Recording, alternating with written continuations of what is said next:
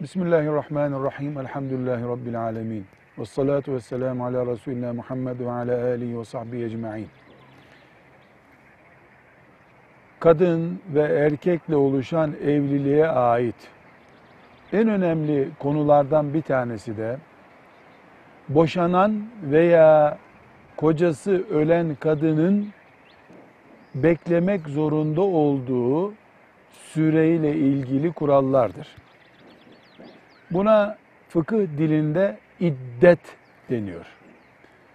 İddet bir kadının evlenmesinin yasak olduğu süre demektir.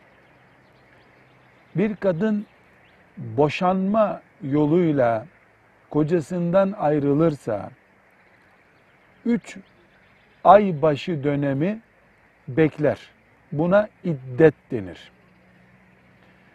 Bir kadın kocası öldüğü için dul kalırsa bu kadın da 4 ay 10 gün bekler. Bu 4 ay 10 gün beklemesine de iddet denir. Gerek kocasından boşandığı için beklediği iddet dönemi 3 ay başı süresidir bu. Ve gerekse kocası öldüğü için beklediği 4 ay 10 günlük dönem Allah'ın kitabı Kur'an'la emredildiği için bunu herhangi bir sosyal gerekçeye veya herhangi bir içtihada dayanarak konuşmuyoruz. Ayetle, Allah'ın hükmüyle sabittir. Ve bunun üzerine de yorum getirmiyoruz. Evet, kocasından boşanan kadın iddet beklerken hamile ise doğum yaparsa iddeti bitmiş olur. Ama normal şartlarda kadın boşandığında 3 ay başı dönemi yani kendisinin ay başı gördüğü 3 ay başı takvimi veya kocası öldüyse rakamlı olarak 4 ay 10 gün. Bu 4 ay 10 günlük süre zarfında kadının iddet bekliyor olması lazım. İddet bekleyen kadın bir başkasıyla evlenemez. Evlenmesi haramdır.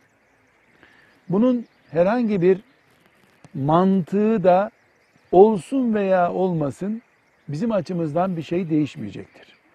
Mesela aylardır zaten veya senelerdir kocası ile bir araya gelmediği için kadının rahminde yeni evleneceği erkekle ölmüş veya boşanmış kocasının buluşma riskinden dolayı bu dört ay on gün bekliyor da diyemiyoruz. Neden? Çünkü bu buluşma olsun veya olmasın eski kocasıyla yeni kocası arasında böyle bir birleşme riski taşınsın taşınmasın. Allah dört ay on gün beklemeyi emretmiştir. Yeni bir evlilik görüşmesi yapabilmesi için. Mümin Allah'ın emirlerinde şu mantık var, şu gerekçe var diye araştırma yapmaz. Eğer Kur'an veya hadisi şerifler şu nedenden dolayı Allah şu kadar süre beklemenizi emrediyor. Eğer o gerekçe kalkarsa beklemezsiniz diyecek olsaydı biz 4 ay 10 gün beklettiğimiz Müslüman bir kadına sen de filan gerekçe yoksa bekleme diyecektik.